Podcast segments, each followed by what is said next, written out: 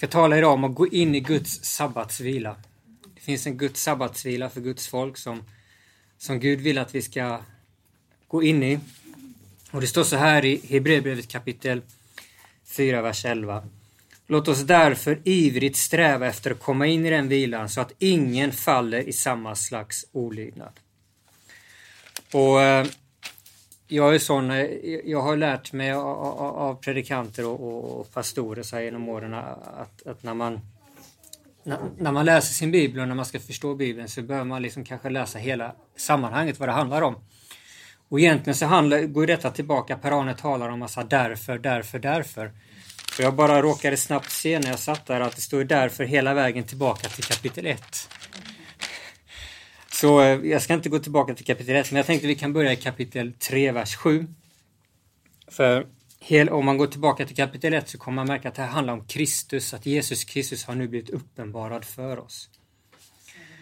Och så står det så här i, i kapitel 3, vers 7, vi ska läsa därifrån. Därför, så som den heliga Ande säger, idag om ni hör hans röst, så förhärda inte era hjärtan, så som vid förbittringen på frestelsens dag i öknen där era fäder frestade mig och prövade mig fast de hade sett mina gärningar i 40 år. Därför blev jag vred på den generationen och sa, alltid far de vilse i sina hjärtan och de kände inte mina vägar. Så svor jag i min vrede, de ska inte komma in i min vila. Bröder, se till att inte någon av er har ett ont otros hjärta så att han avfaller från den levande guden. Utan förmana varandra varje dag så länge det heter idag för att ingen av er ska bli förhärdad genom syndens bedrägeri. För vi är delaktiga i Kristus om vi håller fast vid, det, vid vår första tillförsikt ända till slutet. När det sägs idag om ni hör hans röst så förhärda inte era hjärtan, så sa vi förbittringen. För somliga som hade hört det förbittrade honom, men inte alla som hade kommit ut i Egypten genom Mose. Men vilka var det han var vred på i 40 år? Var det inte de som hade syndat, de vilkas kroppar föll i öknen? Och vilka gällde den ed som han svor att de inte skulle komma in i hans vila, om inte de som vägrade lyda? Vi ser alltså att det var på grund av otro som de inte kunde komma in. När nu ett löfte finns kvar om att få komma in i hans vila, så låt oss därför med fruktan se till att ingen av oss visar sig ha blivit efter på vägen. För evangeliet har ju blivit förkunnat för oss, liksom för dem. Men ordet som de hörde blev inte till någon nytta eftersom det inte blev förenat med tron i, de, i dem som hörde det. För vi som har kommit till tro går in i vilan. Som han sa, så svor jag min vrede, de ska inte komma in i min vila. Ändå har hans verk stått färdiga sedan världens grund blev lagd. För på ett ställe har han sagt om den sjunde dagen på följande sätt.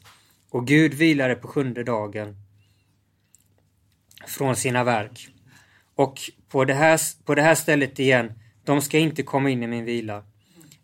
Eftersom det alltså står kvar att några ska få komma in i den och de som först fick höra evangeliet inte kom in på grund av olydnad. Så bestämmer han på nytt en viss dag och säger genom David att efter så lång tid idag, så som det är sagt, idag om ni hör hans röst så förhärda inte era hjärtan. För om Mose hade fört dem in i den vilan skulle han sedan inte ha talat om en annan dag. Därför återstår en sabbatsvila för Guds folk. För den som har kommit in i hans vila, han har också fått vila från sina verk, såsom Gud från sina. Låt oss därför ivrigt sträva efter att komma in i den vilan, så att ingen faller i samma slags olydnad. Så här ser vi en bibeltext som, som är till oss som troende, som, som är en väldigt skarp varning egentligen. Att, att, att vi att vi liksom inte ska missa och komma in i Guds sabbatsvila som finns för oss. Mm. Och jag tänkte lyfta fram lite so saker som den här texten talar om som är eh, varningar för oss idag och, och, och, och egentligen vad den här texten vad den handlar om. Vi ser till exempel om vi går till vers, kapitel 4, vers 3. Jag kommer egentligen, jag skrev det i våran chatt att när Bibeln har egentligen inte kapitel och, och verser, utan det är brev och böcker och så vidare. Det här är någonting som har tillkommit senare i historien. Och eh, kapitelindelningen av verser, det är inte Guds inspirerade indelningar utan det är som människor har gjort. Men orden är Guds inspirerade ord. Så ibland kan det vara lite konstig uppdelning så här tycker jag själv. Och, men det är i alla fall bra att det finns för det blir lättare liksom att, att, att memorera för oss. Så man får tänka på det när man läser en bok att liksom inte bara läsa ett kapitel och sen så tänker man nu någonting helt nytt utan allting ofta kan det hänga ihop. Ibland kan man behöva läsa ett helt brev för att förstå eh, vad han pratar om. Men här i vers 3 i alla fall så står det så här. För vi som har kommit till tro går in i vilan. Så här talar han först om dåtid, alltså när vi kommer till tro på Jesus Kristus, när vi sätter vår förtröstan på honom och omvänder oss från våra synder, så går vi in i en vila som finns i Jesus Kristus. Som, som, som vi upplever, kanske vi får andens frukt som bland annat är frid. Och Det är inte bara frid med människor och frid med Gud, utan det är också en inre frid som man upplever. Det är den här vilan som man kommer inifrån. Nu, liksom, nu har man fått sina synder förlåtna, nu har man fått ett renat samvete, eller hur? Så går man in i den här vilan. Och det, jag, jag, jag talar liksom, vi brukar kalla det den första frälsningen. Okej? Okay? Och det är intressant att när man läser den här texten så själva vad, vad han talar om i den här texten det är att, att, att vi ska förbli i Kristus.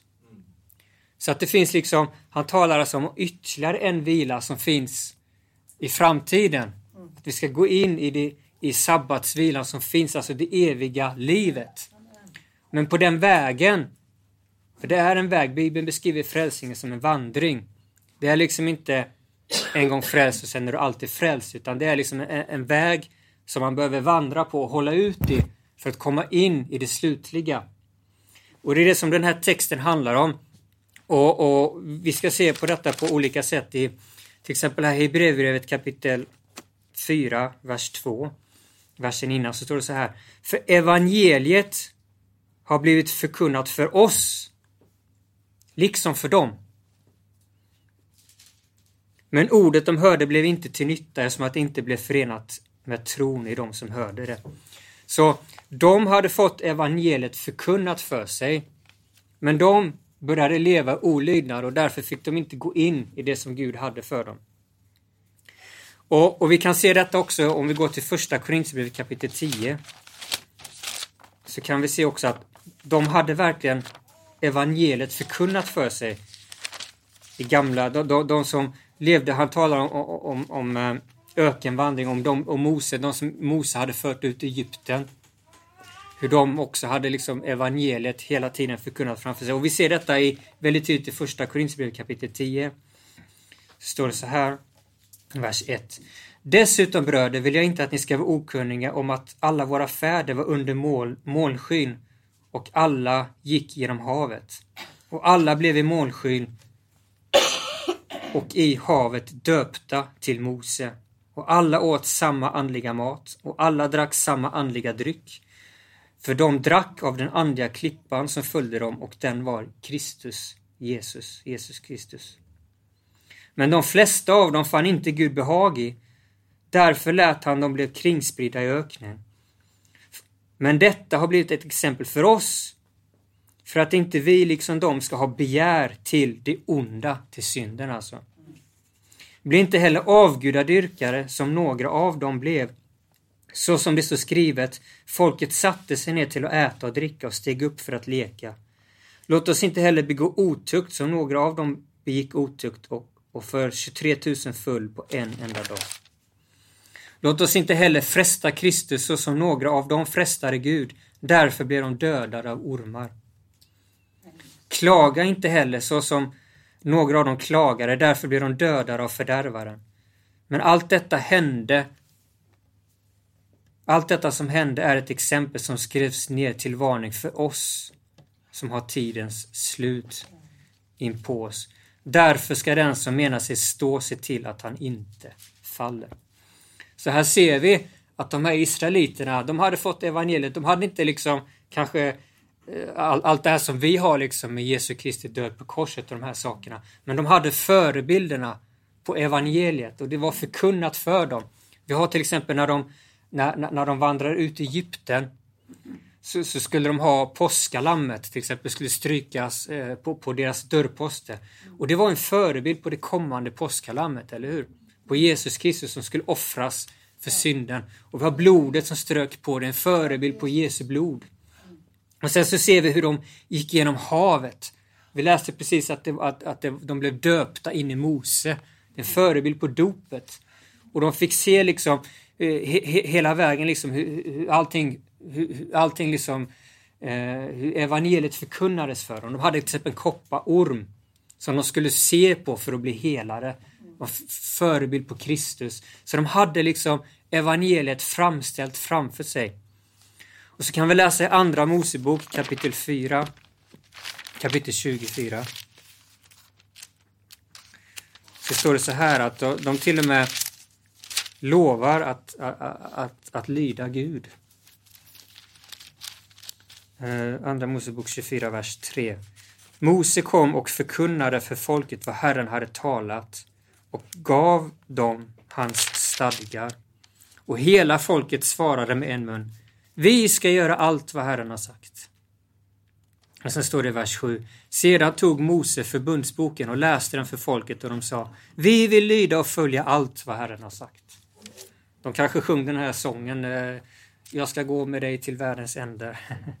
Inte vet jag. Men i alla fall, man kan se här att de hade evangeliet, de hade någon form av, av tro.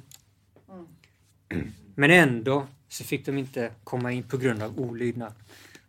Och det här som det är liksom, som den här texten talar om att den lyfter fram här i Hebreerbrevet kapitel 3 så lyfter den fram den här olydnaden. Eh, det står att de, att de blev kringspridda i öknen och de var olydiga under 40 år och, och de, de hade begär till synden och de började följa efter synden och så vidare. Och, och det var så. Det var exakt vad som hände. De hade liksom sett allt detta, liksom hur Gud delade på havet, hur Gud förde dem ut i Egypten. De hade sett liksom hur, hur Mose tog emot lagen som var, som var eh, förbundet mellan Israeliterna och, och, och, och, och Gud. Och de hade liksom sett det här dånet och dundret och hur Mose kom ner och han fick uh, sätta en slöja framför sig för att inte folket skulle förgås på grund av Guds härlighet. Och de hade sett när, när, när, när, när de inte hade något vatten, de hade sett hur Mose slog på klippan och hur det flödade vatten fram till dem. Och den här, den här klippan var ju Kristus som vi läste. Och de hade sett liksom hur, hur Kora gjorde uppror och, och, och när Kora gjorde uppror så sa, så sa Mose, ni som vill följa honom kan ställa er där och så öppnar Gud hela marken och de alla föll ner i marken och blev uppslukade. Och de hade sett hur Gud sände manna från himlen när de var hungriga. Allt detta hade de sett. Och under 40 år så hade Gud tagit hand om dem. Under 40 år så hade, hade, hade Gud visat sig för dem. Uppenbarat sig för dem på olika sätt. Men ändå så förhärdar de sig och kom inte in i vila. Och då svor Gud svor att de ska inte komma in i vilan. Och varför? Jo, i Hebreerbrevet 3.18 så står det att eftersom de vägrade lyda. Och vers 19, vi ser att det var på grund av otro. Så här ser vi tro och lydnad hänger ihop. Det är så hela skriften. Ibland så står det lydnad, ibland står det tro. Men det är för att de hör ihop. Och så är det till exempel om jag säger att, att, att bussen går här utifrån klockan 12 om du då tror på det så kommer det leda till en handling, eller hur? Då kommer du vara här och vänta på en buss klockan 12. Men om du inte tror på det så kommer du inte bry dig om att försöka vara här ute klockan 12. Och det är så det är i Bibeln, att när man läser de här sakerna, att, att, att det står att de föll in i otro. Men så lyfter han fram olika saker. Hur föll de in i otro? Jo, de började med avgudadyrkan. De gjorde en guldkalv. Gud hade sagt att du ska inte göra några avbilder. Vad gjorde de? De blir otåliga, Mose kommer inte tillbaka och så börjar de liksom säga till Aron, vi måste ha en bild på Gud som vi kan tillbe. Och så föll de in i olydnad och så var det 3000 som, som Gud dödade på den dagen. För att de hade börjat tillbe den här guldkalven. Och, och, och jag, jag tror må, må, många, många kan vara lite så här liksom ibland att varför talar ni så mycket emot det här med ekumeniska rörelsen? Det, det är liksom, de, har ändå, de tror ändå, katoliker, de tror ändå att Jesus är Gud. De tror ändå liksom, de har ju ändå en korrekt bekännelse. Ja, men det är inte det som är grejen. Det är det att man har avgudadyrkan i sina församlingar. Det är det som är grejen. För när man tar in avgudadyrkan, då går man ifrån tro. Det står ju det på ett ställe att de försäkrar sig att de känner Gud, men deras gärningar, men deras gärningar förnekar de honom. Så när, när, när, man, när man börjar med avgudadyrkan, vad man gör är att då, då går man bort ifrån tron. Då säger man, ja, jag tror inte på att du ska inte ha några andra gudar. Och det är exakt det som det här talar om liksom. Och om vi då ser kapitel 4, vers 10, så står det om att, att låt oss därför ivrigt sträva efter att komma in i vilan så att ingen faller in i samma slags olydnad. Så samma olydnad som de hade. De hade en olydnad som gjorde att de inte kom in i den här sabbatsvilan. Och på samma sätt idag kan Guds folk komma in i olydnad som gör att vi missar det eviga livet. För det är så, det, Bibeln säger att man, man kan missa det eviga livet på grund av hur man lever. Och det är inte det Gud vill. Jag menar, det är bara, om man slår ihop Bibeln så står det till exempel att ingen girig ska ärva Guds rike.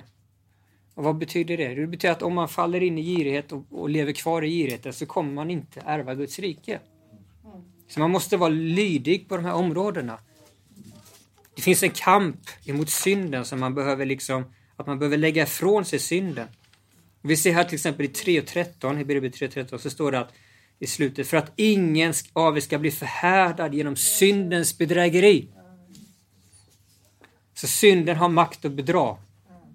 Det är liksom när man väl börjar med synden så börjar det liksom bedra på något sätt. Och man, man, det bedrar våra tankar och, och äh, men det är inte så farligt.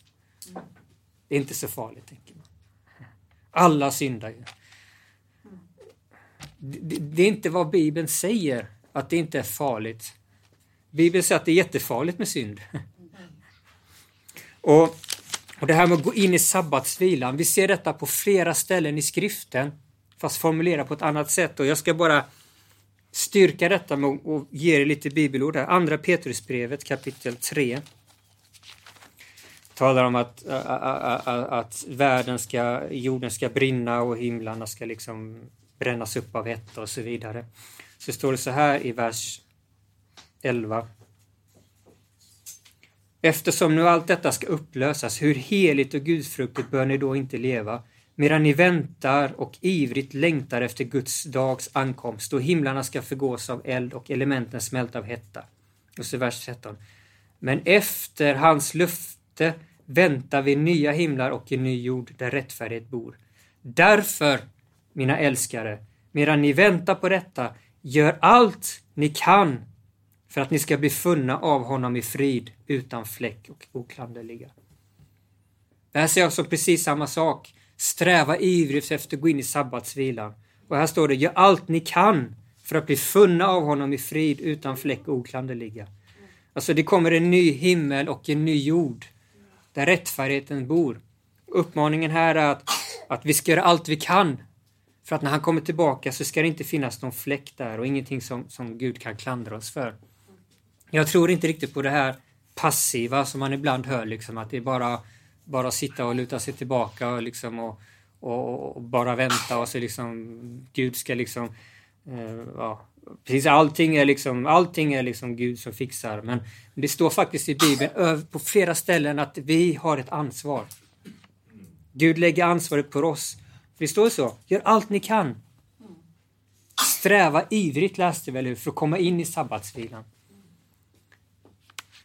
Sen har vi ju den heliga Ande som hjälper oss, eller hur? Amen. Utan det så hade det inte varit möjligt. Men ansvaret ligger på oss. Första Timoteus kapitel 6, vers 12. Står det så här.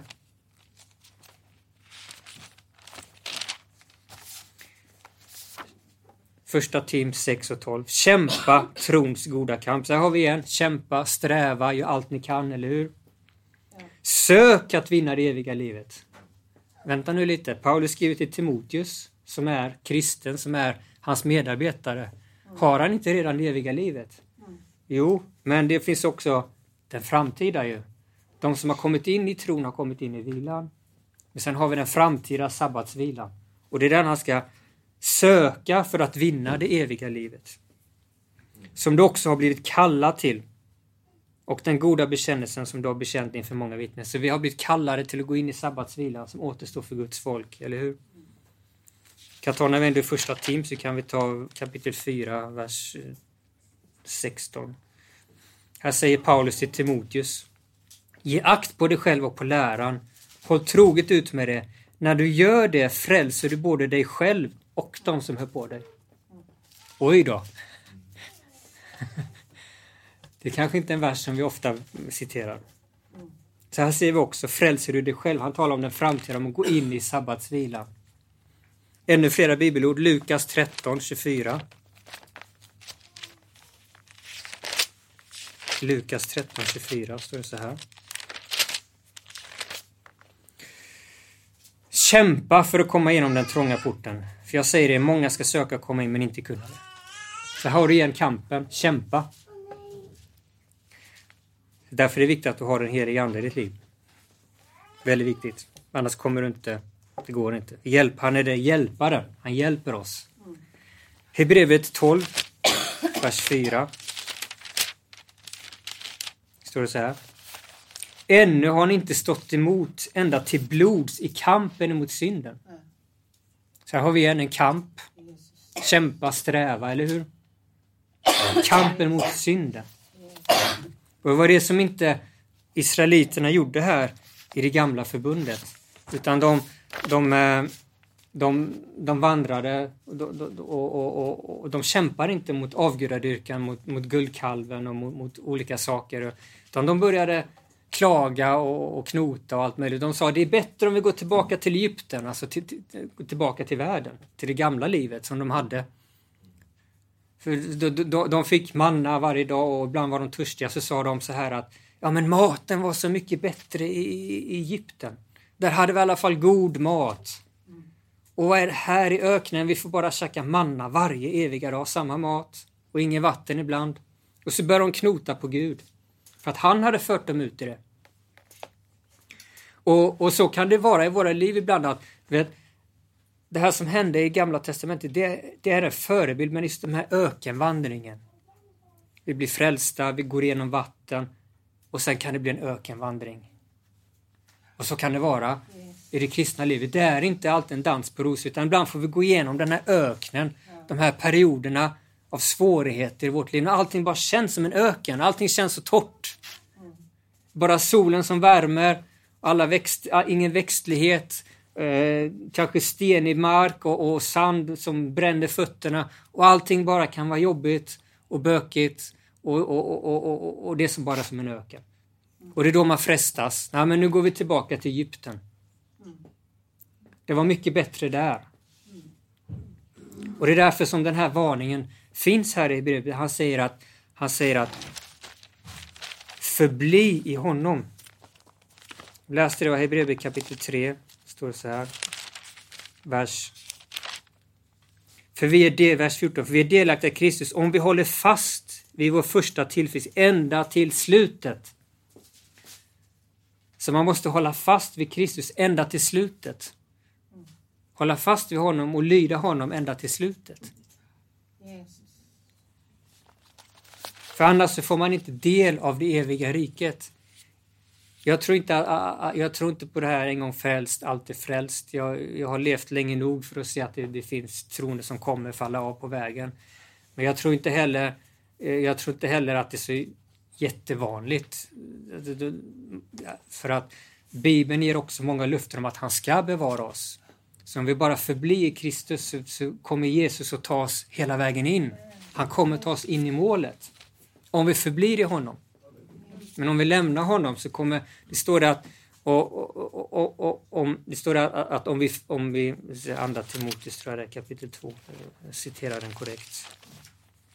Andra Timoteus.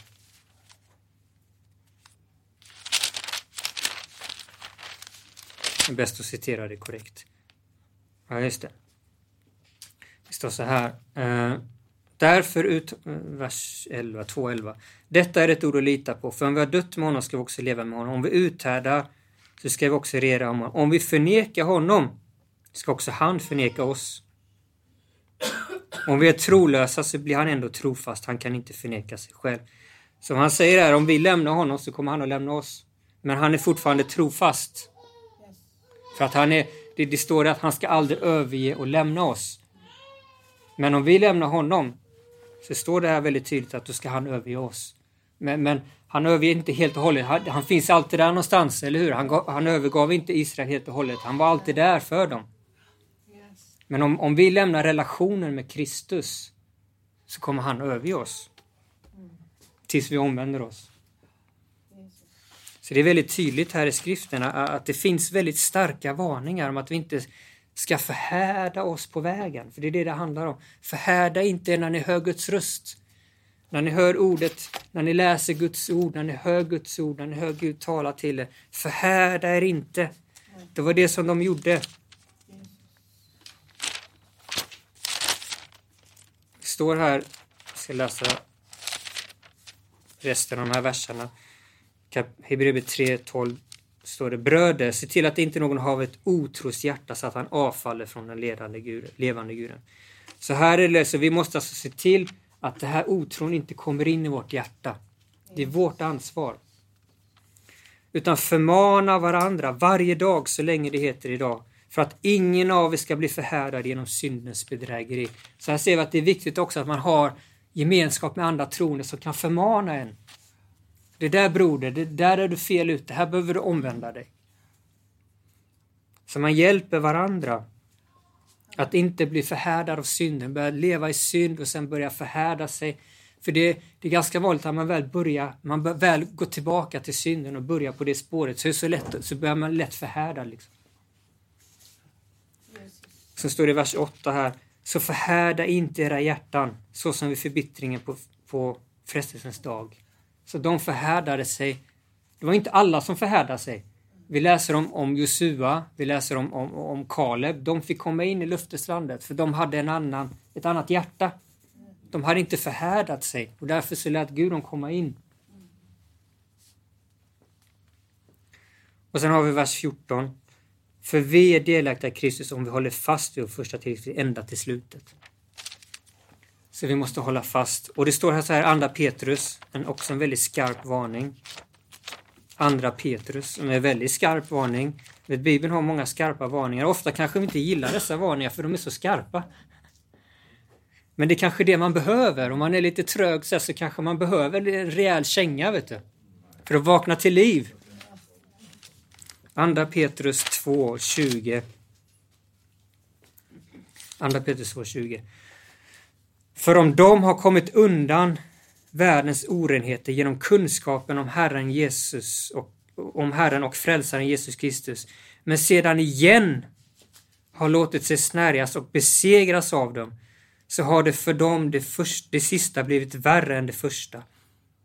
För det hade blivit bättre för dem att de inte hade lärt känna rättfärdighetens väg, än att de har lärt känna den och sedan vända sig bort från det heliga bud som hade överlämnats till dem. Men det går med dem som ordspråket så sant säger, en hund vänder tillbaka till sin spya och ett tvättat svin vältrar sig i smutsen. Så här säger han väldigt tydligt att om man har kommit undan världens synd, alltså och har kunskapen om Jesus Kristus och har och, och kommit ur det gamla livet och kommit in i Kristus. Så han talar om, om, om kristna här som har fått sina liv förvandlade av Jesus, som har lämnat det gamla livet och som har Jesus Kristus. Men sedan igen låter sig snärjas och besegras av det gamla, av, av dem. Så har det blivit värre för honom än, än vad det var från början. Det är väldigt starka ord.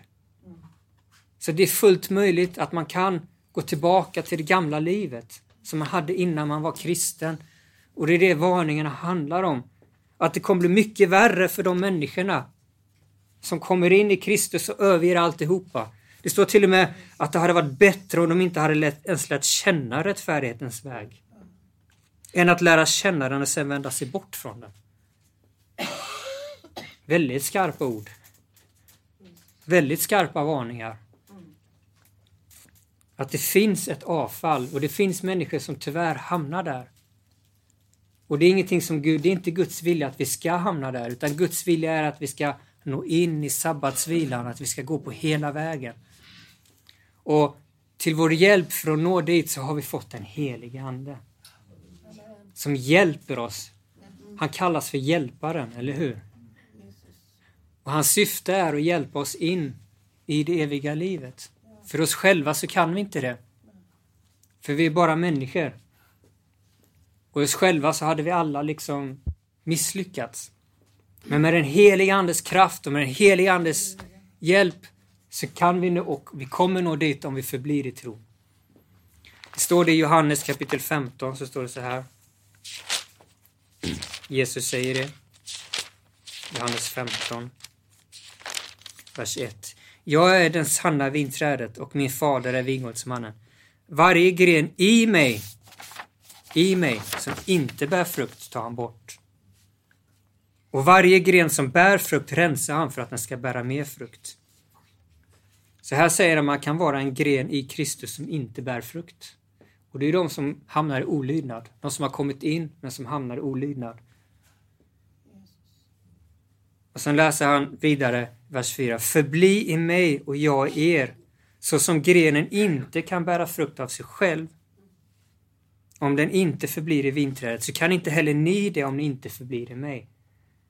Så här ser man vikten av att förbli Kristus och att leva i den heliga Andes kraft. Vandra i Anden så ska ni inte göra vad köttet har begär till, eller hur? För om vi inte är i grenen så kan vi inte bära frukt. Ingen människa kan bära den här frukten. Utan mig kan ni ingenting göra, säger han. Så står det i vers 6. Om någon inte förblir i mig, det vill säga om man lämnar honom genom olydnad, genom otro som vi har pratat om här, så kastas han ut som en gren och torkar bort. Och man samlar ihop dem och kastar dem i elden för att brännas. Om ni förblir i mig och mina ord förblir i er så kan ni göra vad ni vill och det ska bli gjort för er. Så det är viktigt att vi förblir i Kristus, i hans ord. Och att det inte bara är liksom något mentalt här uppe i huvudet, utan att det är någonting som är i hjärtat som leder till också till att vi lyder honom. För det är vad Bibeln lär. Jesus säger på ett ställe, varför kallar ni mig Herre, Herre, men inte gör vad jag säger? Så Guds evangelium och Guds ord måste ner i våra hjärtan. Förvandla oss. Och vi måste vara uppfyllda av den heliga Andes kraft. Så att vi kan vandra vägen, hela vägen in i mål. För frestelserna kommer. Och frestelserna kan ibland vara stora. Vet du. Jag har varit kristen tillräckligt länge för jag, jag vet vad som kan hända. Hur man liksom kan börja, till exempel, vi kan ta någon av köttets gärningar, stridigheter. Så kan man hamna i stridigheter och så kan man förblinda sig själv om att det här är okej okay, liksom. Man börjar liksom argumentera, ja, och så drar man olika argument. Syndens bedrägeri som kan, som kan förblinda oss. Som kan förhärda oss. Så när man hör Guds röst, när man hör liksom, det här är fel. Stridigheter enligt skriften är fel. Så måste man ta vara på de varningarna, omvända sig och lägga bort det. Det finns en, det finns en, en, en stridighet som är fel och så finns det strid för sanningen som är helt korrekt. Precis på samma sätt som det finns splittringar som är fel så finns det splittringar som är bibliska. Det står det till exempel i, i, i, i, i andra eh, Korinthierbrevet kapitel 6 så står det att, att man ska dra ut ifrån dem, separera sig från dem. För vad har, vad har Guds tempel tillsammans med avgudarna att göra? Det är en korrekt biblisk splittring, eller hur? Att vi ska inte vara beblandade med, med synden. Men sen finns det den icke korrekta splittringen och det, det, det är när det kanske inte finns någon synd. Utan man, man splittras ändå liksom. Och så, sådan, sådan splittring är inte biblisk. För, för Guds plan är att vi ska leva i enhet med varandra. En sann biblisk andlig enhet. Inte den här falska liksom, när man försöker Man försöker liksom när, när, när det finns massa synd och så försöker man liksom, nu sopar vi det här över mattan och så försöker vi enas ändå. Det är inte vad Bibeln lär, eller hur? Bibeln säger till mig, driv ut ifrån den som är ond. Första Korintierbrevet 5. En man som har begått incest i församlingen. Så säger Paulus till att ni måste driva ut den här mannen, annars blir ni smittade av det. Och det är det bibliska sättet. Men och, och, ofta vad man gör är att nej, nu måste vi hitta något sätt att liksom acceptera den här synden så att alla kan vara inkluderade. Men det, det, det, det är inte det Bibeln lär. Och om, om alla blir inkluderade, ja, då, då, är det det andra som Bibeln säger. Då måste man skilja sig från det, eller hur? Så det, det, det, finns liksom en, här, en sån här väg, en vandring som vi måste gå på. Och det Bibeln kallar det för en smal väg. Varför är den smal? Det är för att det är få som vandrar på den. Och en väg kan man, man kan trilla till vänster och man kan kalla, trilla till höger, man kan lätt falla av. Det är därför som det står där, se till att ingen blir efter på vägen. Se till att ingen blir efter på vägen. För man behöver varandra, man behöver varandras hjälp. För ibland ser man inte själv. För det kan förblinda liksom. Så det ordet här, det ordet idag är att vi ska inte förhärda oss när vi hör Guds röst. När du läser din bibel, när du, när, när du hör Guds ord, när Herren talar till dig, förhärda dig inte. Det är så lätt att man liksom vill liksom komma runt det och liksom, nej men eh, hitta något, något annat. För jag, jag har märkt det, vet du, vi lever i väldigt svåra tider. För att det, det, det, går alltid att hitta någon kyrka någonstans där man liksom accepterar allt. Och där man kan känna sig hemma liksom. Och, och så kommer den där kyrkan, de accepterar inte mig. Och varför accepterar de inte det? Nej, jag lever som sambo. ja, men det är inte så konstigt då. Det är väl bra att de inte accepterar det för att det måste man omvända sig från. Man kan inte leva otukt och tro att man ska ärva Guds rike. För det kommer man inte göra. Och så går man till någon annan kyrka där det är okej okay att leva otukt. Liksom där. Och, och, och, och, så går man på den vägen. Men det är, inte det, det, det är inte det spåret vi ska gå på. Nej, utan vi ska nå fram till sabbatsvilan. Den slutliga vilan. Jag kan avsluta med att lyfta upp det här också. Det står också här i, i, i vers 12 här så står det så här. Uh, vers 10 står det så här. För den som har kommit in i vila, han har också fått vila från sina verk såsom Gud från sina. Så det här är väldigt tydligt här att det är liksom en slutlig vila. För vi vilar inte från våra verk här och nu, eller hur? Vi ska ut och predika evangeliet. Det är ju någonting vi gör.